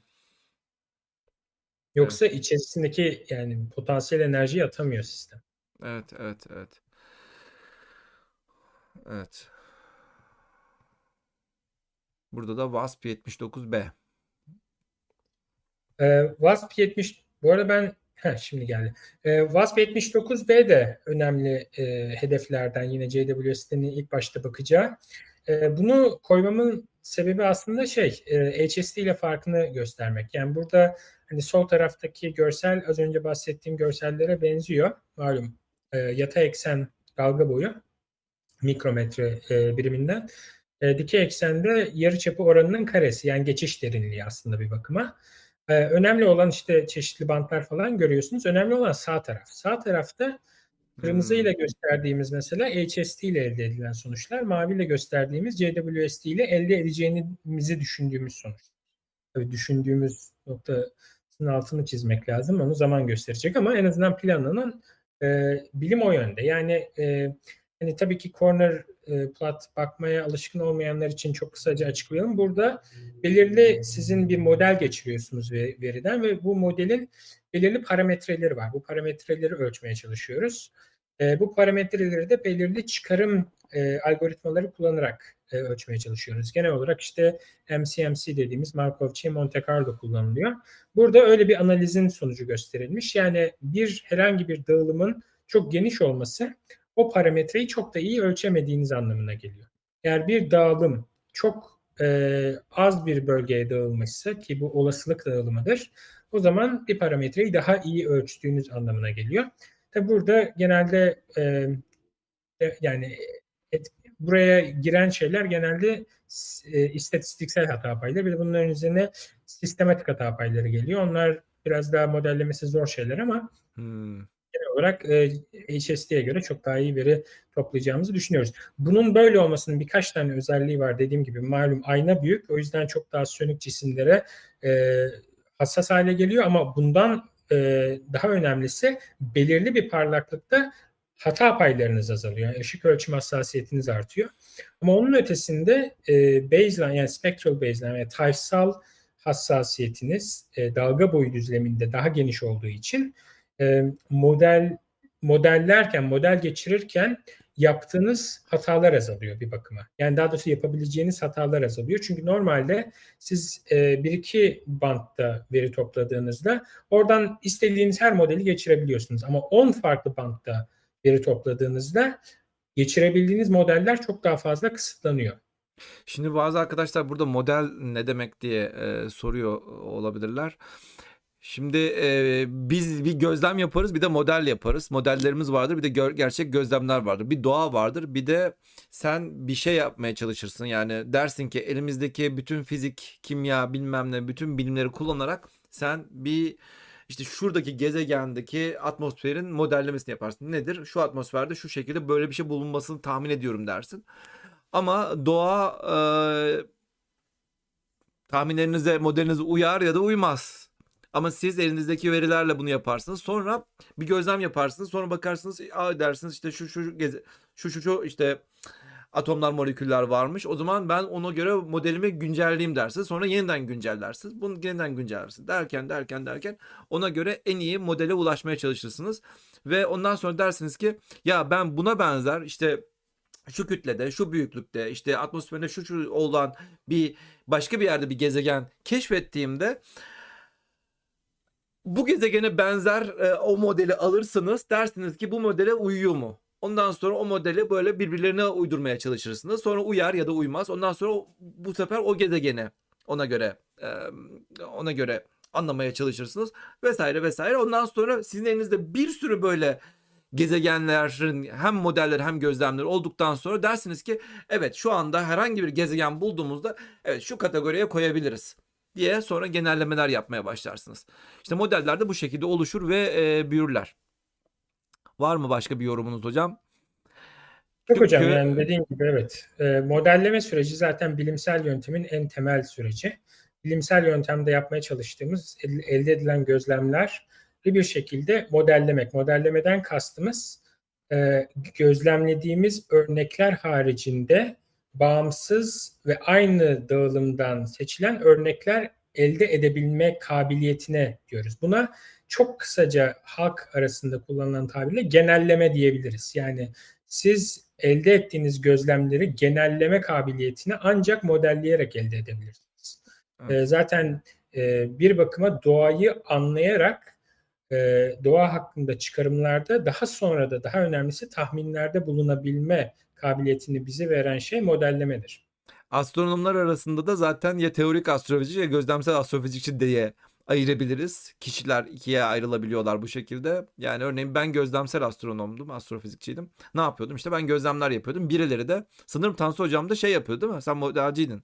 Teorik çalışıyordun aslında. Yani evet biraz model teori arası gidip geliyor. İşte Tansu Hoca da örneğin modelleme yapıyor. Ondan sonra ben onun gözlemi yapıyorum. Sonra alıyorum Tansu Hoca'nın modellerini. Bakıyorum doğa gerçekten bana bu sonuçları veriyor mu? Veriyorsa ne hala vermiyorsa mualla. Ondan sonra başka bir şeye dönüştürüyoruz. Ondan sonra diyorum ki Tansu Hoca'ya bak diyorum bak ben bu, bu doğada böyle bir gözlem yaptım. Senin modeline uyuyor ya da uymuyor. Ondan sonra sen modelini buna göre güncelliyorsun. Bu şekilde şey yapabiliyorsun. Şurada ee, aslında Başka bir soru var. Ne kadar e, sürede dünya gezegen fotosu görebilir bir dünya benzeri bir öte gezegen Ay, göremiyorum yazıyı ha. Ne kadar sürede bir dünya benzeri öte gezegen fotosu görebiliriz diye bir soru gelmiş. JWST'nin öte gezegen e, fotoğrafı çekme gibi bir şeyi var mı? Yani direkt direct imaging sanırım Fomalhaut B'di değil mi? Da, direct imaging yapacak değil. ama yani büyük ihtimalle kastedilen sorunun cevabı hayır. Çünkü yani öyle dünya gibi lay lay lon falan böyle bir evet, şey yok. Çözünürlük, yani şöyle söyleyeyim.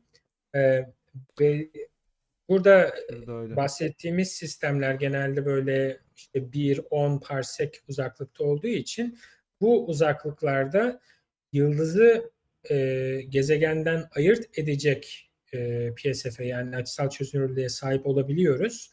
Ama gezegenin kendisini açısal olarak çözecek hassasiyete çok yani 10 yıllarca belki 100 yıllarca uzağız. Bu yakın zamanda olacak bir şey değil. Aslında çok da ilgimize çeken bir şey dedi. Yani tabii ki bunu yapabilecek kabiliyetimiz olsa birçok farklı soruya da cevap bulabilirdik doğru. Ama o noktaya gelmeden yani herhangi bir gezegenin açısal olarak çözülmüş fotoğrafını elde etmeden önce o gezegen hakkında öğrenebileceğimiz birçok şey var. Özellikle zaman tabanlı astronomide mesela şu var. Diyelim ki e, bir gezegenin üzerindeki işte kara veya su dağılımını merak ediyorsunuz. Açısal olarak çözemiyorsunuz. E tamam peki bunu nasıl öğreneceğiz? Şöyle gezegenin bir kere rotasyon yani kendi etrafında dönüş periyodunu önce ölçebilirsiniz. Daha sonra da parlaklık ve renk değişimlerine bağlı olarak aslında gerçekten üzerindeki hem enlemsel hem boylamsal olarak nasıl bir dağılım var, albedosu yani yansıtıcılığı nasıl değişmiş gibi sorulara cevap verebiliriz. Daha açısal olarak çözmeden. O yüzden yani bunu yapamıyor olmamız öte gezegen hakkında hiçbir şey öğrenemeyeceğimiz anlamına gelmez. Şu an mesela Güneş sistemimizde Earth as an exoplanet diye bir kavram var.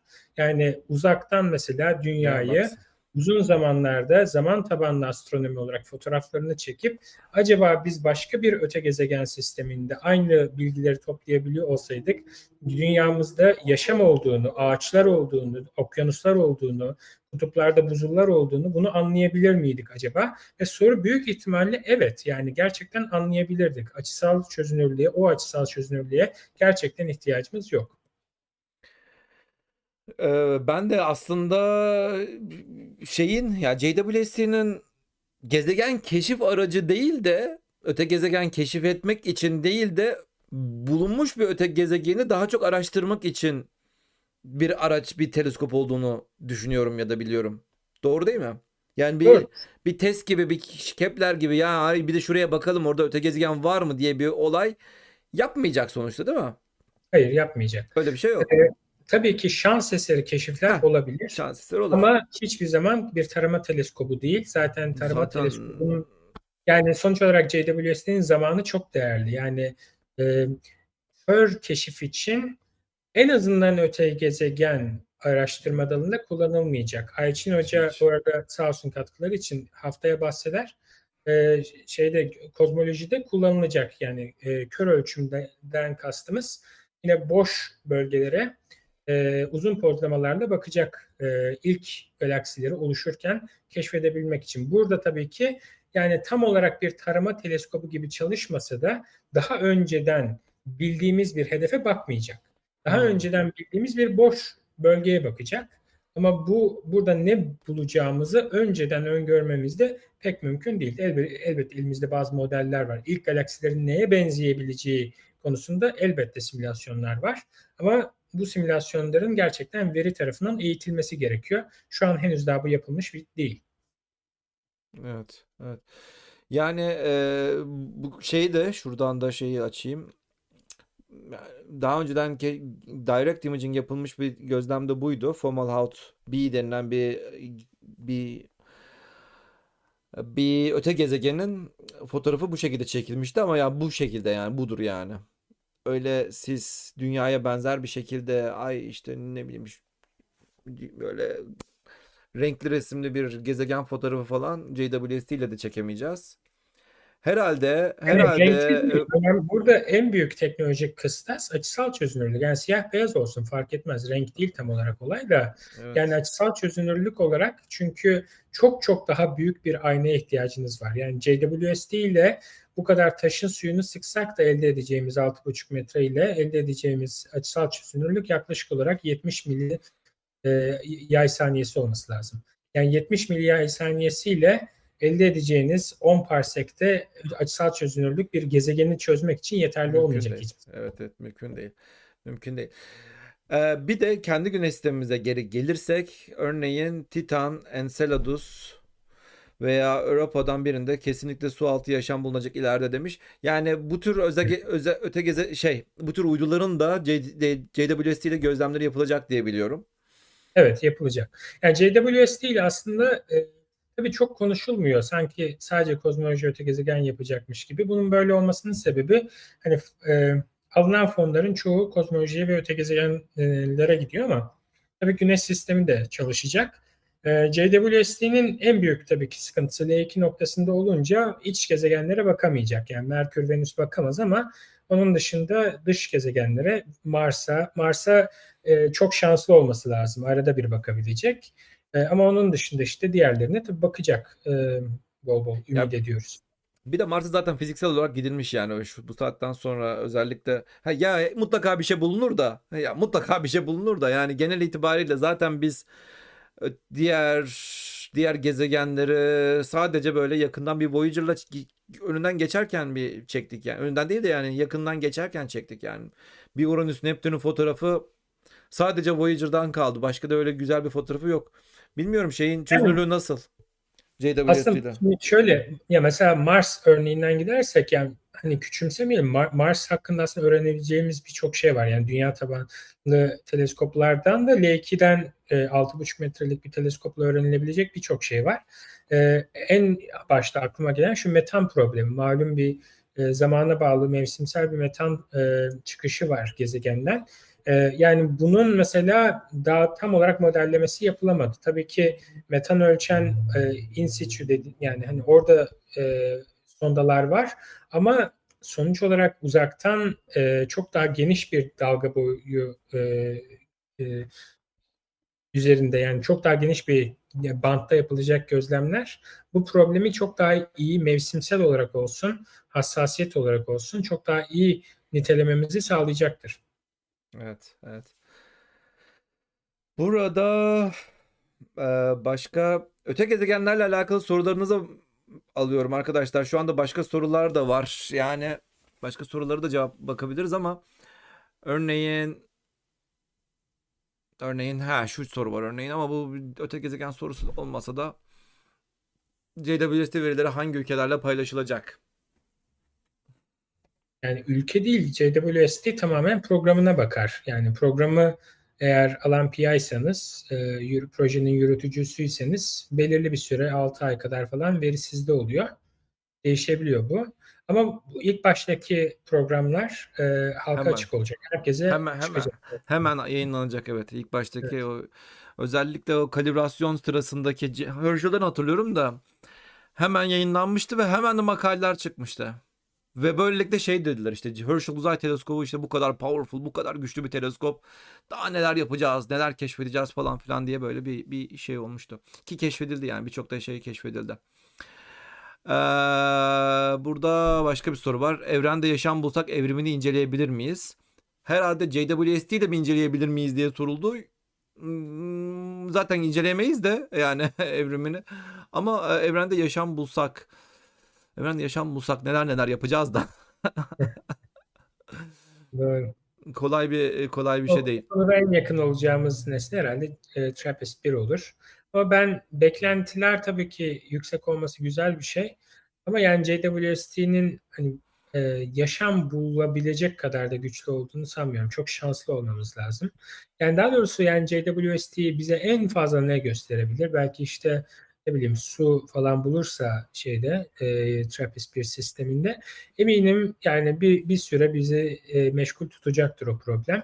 Ama kendi başına bir yaşam bulma yani o zaten şu an teorik olarak böyle bir biyo imza üzerine mutabık kalınmadı. Yani su bulsak da hatta farklı e, türlerle belirli bir oranı bile yakalasa hiç kimse emin yani eminim bir grup çıkacak ki yani bu yaşam değildir diyecek ve Evet. haklı olacak yani. Bu bu model uzayında e, gerçekten bir yanlışlama, yaşam olmadığı konusunda bir yanlışlama yapma konusuna henüz daha oraya gelemedik. Zaten hatırlarsınız Venüs'te fosfin keşfedildi. Fosfinde yaşama gösteriyor bilmem ne falan diye haberler çıktı. Basın bültenleri çıktıktan sonra yani milleti yani bu makale yazanları nasıl böyle 50 taraftan saldırdılar yani. Ya bilimsel olarak saldırdılar yani. Öyle değil yani. Bir düz dünyacı arkadaş var şu anda chatte saldırıp duruyor da onun gibi değil yani.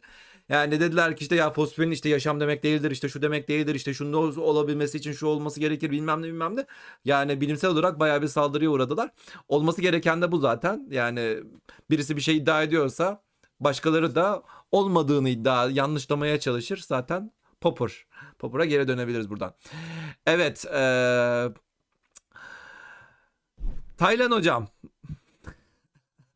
Eğer kendi güneş sistemimizde hangi cisimde yaşam olduğuna dair bahis açılsa paranızı hangi gezegen ya da uyduya yatırırdınız? Zeki yaşam değil mikroskopik de olabilir. Şimdi Taylan hocam kelimesini Taylan kelimesini az şey yapacağım. Sen soruyu cevaplandır.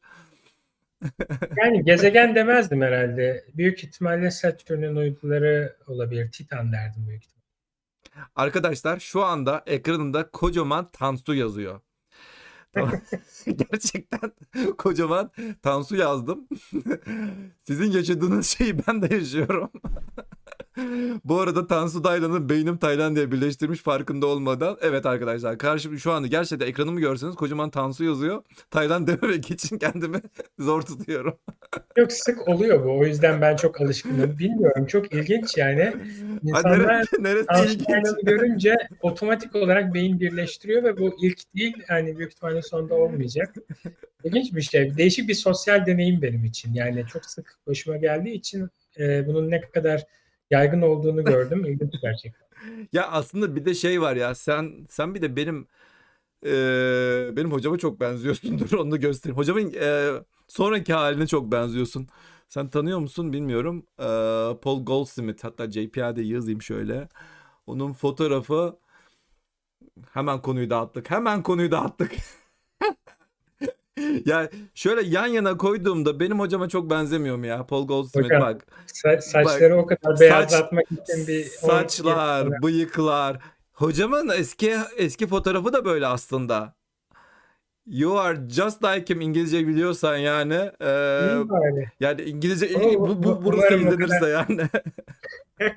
Umarım saçlarımın beyazlaması için en azından bir 10-20 senem vardır ama ya benzemiyor mu? Benzemiyor. Benim hocaya benzemiyor mu şu an Taylan? benziyor aslında. Evet. Hemen konuyu dağıttık. Hemen hemen konuyu dağıttık. Evet, e, başka soruları alalım. Şu anda chat, chat şeyimde hiç e, soru kalmamış. Evet, bakalım. E, JWST sonrası fırlatılacak LUVOA teleskobu JWST'den farklı ne vaat ediyor? JWST sonrası fırlatılmayacak olan LUVOIR demek lazım aslında. Ne oldu? Astro 2020 Astro şimdi şöyle anlatayım. Amerika'daki e, genel olarak e, astrofizik alanında e, önümüzdeki 10, 20, 30 senelik e, onun nereye akacağını belirleyen e, belirli anketler düzenlenir. Ama anketten kastımız yani böyle insanların gidip oy vermesi değil daha çok yani yine demokratik bir süreç işliyor tabii astronomi komünitesi içerisinde ama genelde bir komite kuruluyor ve daha sonra bu komite 10 senede bir bir rapor yazıyor. Astro 2020 raporu yakın zamanda e, açıklandı. Yok ya bu değil. Ve Astro 2020 Okey, diğer doktor. bir öncekiler gibi olduğu e, üzere e, belirli beyaz makalelere aslında bir cevap olarak ortaya çıkıyor. E, neyse e, sonuç olarak Astro 2020 şunu gösterdi ki e, şu an e, dört tane büyük NASA'nın bayrak taşıyıcı deney e, adayı var. Bunlardan iki tanesi LUVAR ve HABEX e, ortalaması veya karışımı diyebileceğimiz bir deneye e, işaret etti. E, aslında LUVAR karışımı derken şunu unutmamak lazım. LUVAR'ın da iki tane farklı versiyonu var. LUVAR A ve B. E, B daha küçük olanı. B ile HABEX arası bir şey önerdiler aslında. Yani aslında şunu şunu söylediler. Dediler ki yani JWST bize bir şey öğretti. E, bu işlerin ne kadar yavaş olduğu ve hani e, emin adımlarla ilerlenmesi ve biraz da gerçekçi olunması gerektiği konusunda şeyler öğretti dediler ve dediler ki yani hani herkesi mutlu etmek için 2040 yıllarında gerçekçi bir e, e, fonlamayla e, LUVOIR B ve HABEX arası bir e, bayrak taşıyıcı deney 2040'lar geldiğinde fırlatılmış olmalı e, dendi. Yani o yüzden şu an e, bu ikisi arasında tabii ki tam olarak ne gerçekleşecek bilmiyoruz. Yani büyük ihtimalle önce Hmm. NASA astrofizik SMD oturup bir kendi arasında karar vermesi lazım. Zaten NASA'nın şu an astrofizik hani başkanı falan değişiyor. E, o yüzden bir süre büyük ihtimalle bir şeyler duymayız ama önümüzdeki bir iki sene içerisinde bir çözülme olur ve e, yavaş yavaş hani fonun nereye akacağı, isminin ne olacağı, gerçekten teleskobun e, neye benzeyeceği gibi sorular yavaş yavaş cevaplanmaya başlanır. Sen Origins'e baktın mı hiç? Origins gözüküyor mu? Ee, yani Origins'e çok fazla bakmadım çünkü benim alanım olmadığı için ama Origins aslında e, gerçekten hani e, gezegen oluşumu ve özellikle yıldız oluşum teorileri evet. çok iyi cevap verecek bir teleskop olur. E, ama e, yani şu an daha insanların odaklandığı HABEX LUVOIR B karışımı bir şey. Hmm. Daha doğrusu yani şunu da duyuyorum yani sanki NASA hani bunun, bu projelerin hiçbirini öldürmeyelim e, ama Hepsini sadece- süründürelim. hepsini süründürelim. Ona denk getiren bir yani hani Tebrikler NASA. resmi yaptılar da durum eninde sonunda oraya gidecekmiş gibi geliyor bana. Hmm. Ha- Habex işte Bir de evet. çünkü X-ray tayfası var. Yani e, X ışınları zaten Ha bir de onlar da var. Ya onları o yani Lynx çünkü hani uzun senelerdir X e, X-ray astronomisi e, sıkıntı e, yaşıyordu. E, bazı işte deneylerin e, iyi gitmemesinden ötürü. E, o yüzden bir duraksama dönemine girdiler. Yani Chandra tabii ki hala çalışıyor ama Chandra bundan neredeyse 30-40 sene öncesinin teknolojisi. Evet. O yüzden evet. e, Chandra'dan çok çok daha e, görüş açısı geniş bir teleskop olabilir. E, hassasiyeti de yüksek bir teleskop olabilir. Yani o yüzden e, bakalım nereye doğru evrilecek bu süreç. Bir de tabii gamma ışınımı e, bahs, bahsedilmiyor bile. Yani bir de aslında ben zamanında çünkü Fermilet'te çalıştım ve yani bunun büyük büyük bir eksiklik olduğunu düşünüyorum. Ee, işte Astrogam falan konuşuluyor ama onlar Avrupa. Ee, bir de galiba e, Amigo diye bir şey önerdiler. NASA'ya daha henüz daha resmen önermediler de önerecekler diye biliyorum. Yani e, mesela hani konudan konuya geçiyoruz ama benim çok ilgilendiğim bir problem var. Ga, e, galaksimizin iç bölgelerinde e, modelleyemediğimiz bir gama ışınımı var. Ve burada iki tane büyük hipotez var. Bunlardan bir tanesi karanlık maddenin kendi etkisi, e, kendisiyle etkileşimi e, ve ürettiği fotonlar olabileceği. E, giga elektron volt yani milyar elektron volt e, enerji mertebesinde. Bir de e, pulsar dediğimiz, atarje dediğimiz e, işte daha sonradan hatta önce e, daha sonradan dönmeye veya hızla daha sonradan hızlandırılan e, recycled millisecond pulsars dediğimiz bir nesne hmm. grubu var. Onlardan da geliyor olabilir. Bu ikisini ayırt etmek için açısal çözünürlüğe ihtiyacımız var. Özellikle işte milyar elektron e, volt enerji mertebesinde ve Fermi bize bunu sağlayamadı. Çünkü Fermi e, genelde işte 10-100 giga elektron volt arasında optimize edilmiş bir teleskop. Milyar elektron voltun altının da açısal çözünürlüğü çok düşüyor. E, bir elektromanyetik kalorimetresi var. Foton oraya geliyor ve açısal olarak onu tekrar yapılandırmamız pek mümkün olmuyor. O yüzden mesela işte e, MEV astronomisi dediğimiz veya 10-100 MEV mega elektron volt, evet. mega elektron volt astronomisine ihtiyacımız var. Büyük bir eksiklik bence.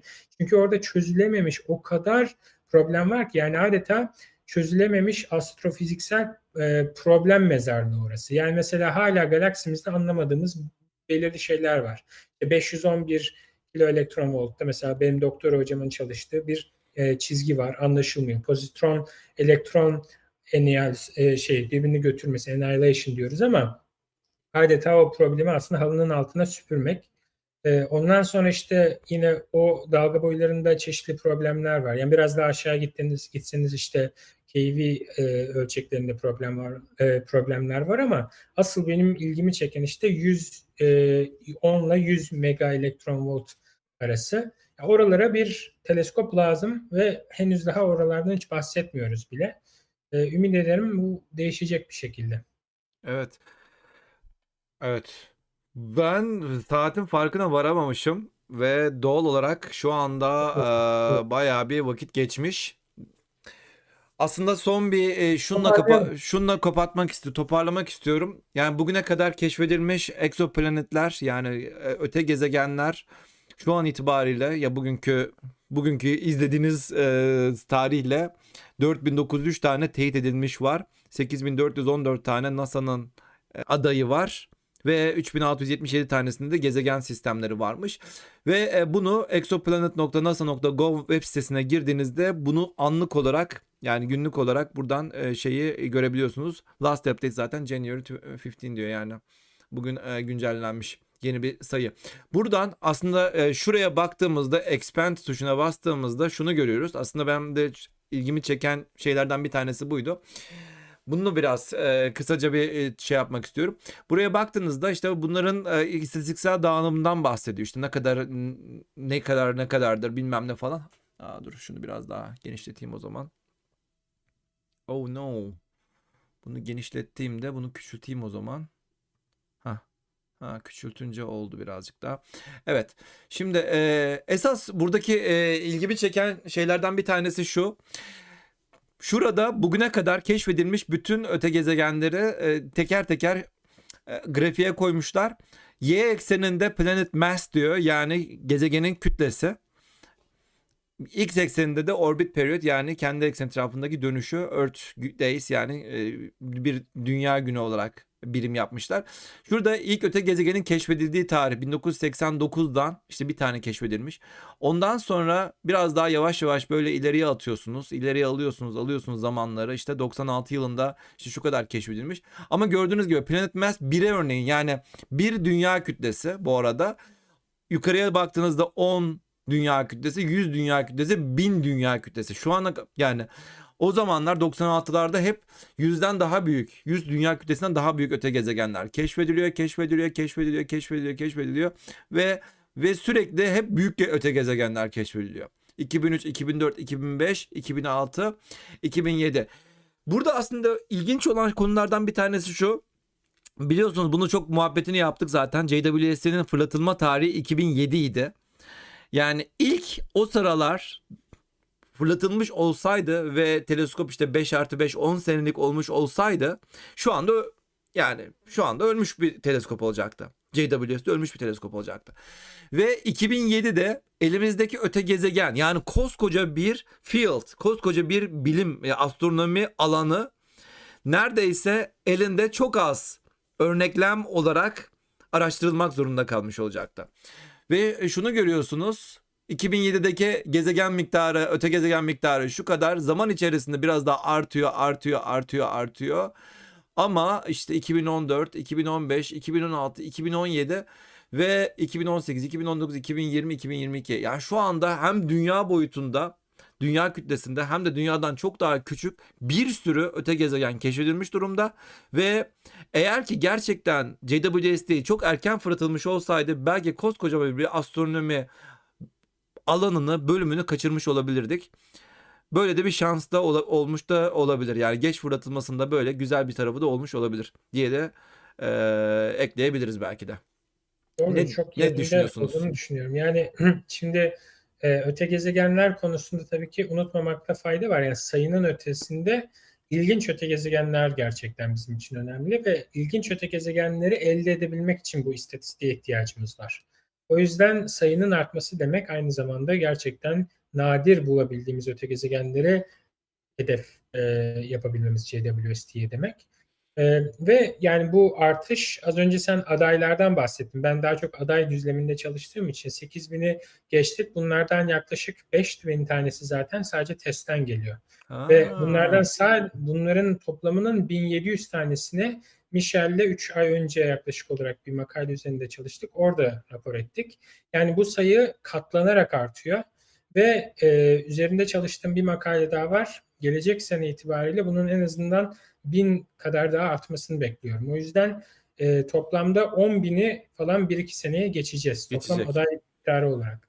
Şimdi aday miktarı önemli bir e, parametre burada. Çünkü evet belki hepsini doğrulayamayacağız ama bu adaylar içerisinde nadir olduğunu düşündüğümüz öte gezegen adayları olacak ve bunları belki de e, çok daha e, pahalı olan e, JWST zamanı kullanarak doğrulamaya çalışacağız. Çünkü gerçekten önemli adaylar olacak bunlar. Evet. Yani bazı adaylar vardır sadece doğrulayabilmek için bile 6,5 metrelik bir teleskobu kullanabilme şansına sahip olursunuz. Çünkü bilimsel potansiyeli yüksektir. Evet. Ama bir adayı teyit etmek için de herhalde gidip de bir JWST'den zaman alamazsın. Bu zamanda.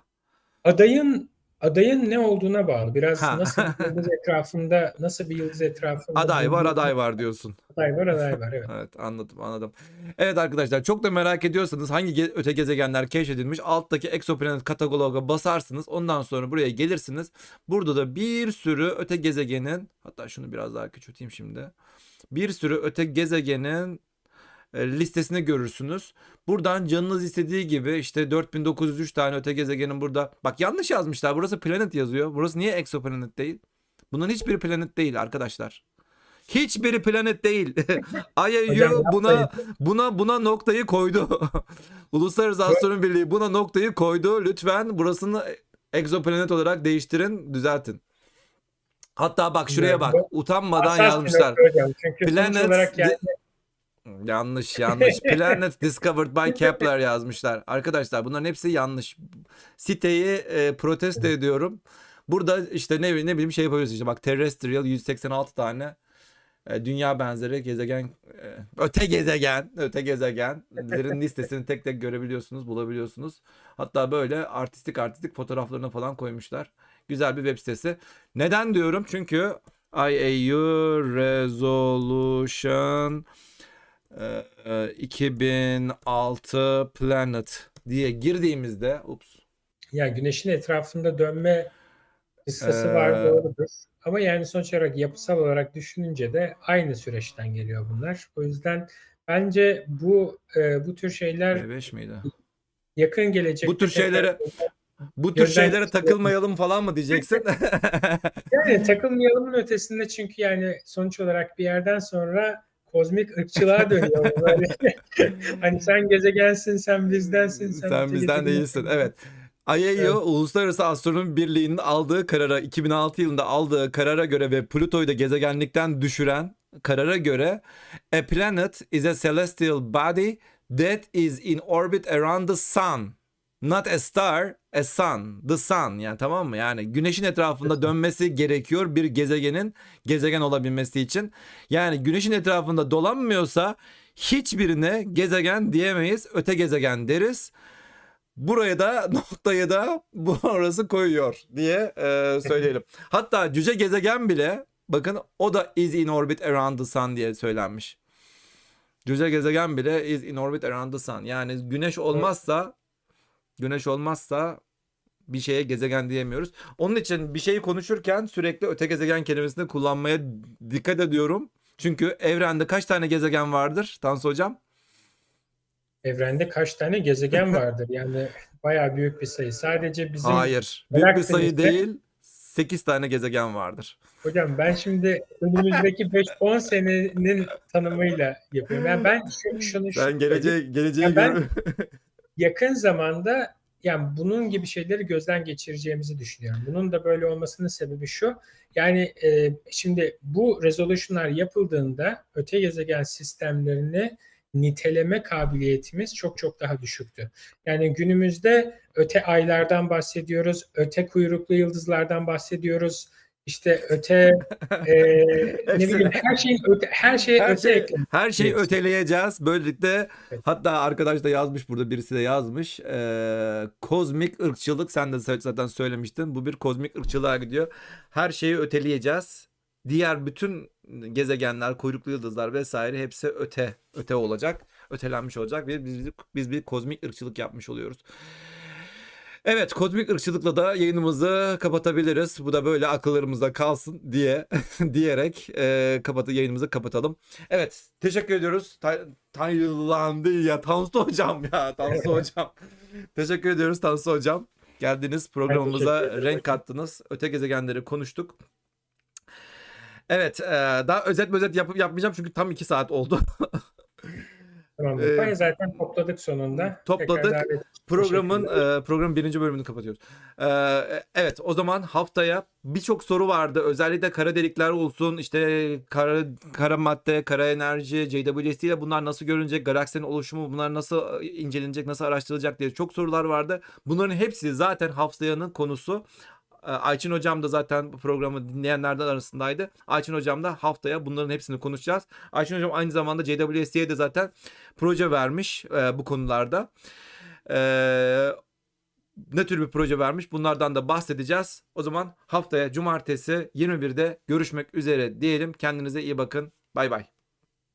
Görüşmek üzere.